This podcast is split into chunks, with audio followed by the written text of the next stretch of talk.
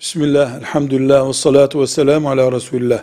Peygamber sallallahu aleyhi ve sellemin getirdiği din, ilk geldiği kalite ve heyecanla ancak ilimle yaşanabilir. Yani insanların o Medine'deki öğrenme, yaşama heyecanını din açısından kıyamete kadar sürdürmeleriyle mümkündür. Din bir nebze unutulursa o heyecan kaybolur, özü gider.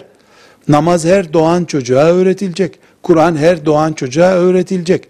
Yani ilim Peygamber sallallahu aleyhi ve sellemin getirdiği mirasın özüdür. İlim bizim için dindir. İlmi de alim temsil ediyor.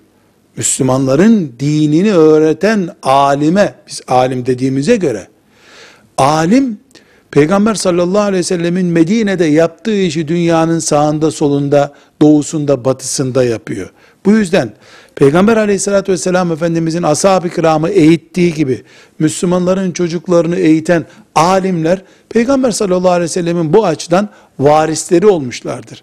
Ashab-ı kiramın Peygamber sallallahu aleyhi ve selleme baktığı nazarla nübüvvet hariç şüphesiz bizim alimlere bakmamız lazım.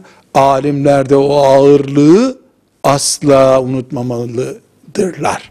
Velhamdülillahi Rabbil Alemin.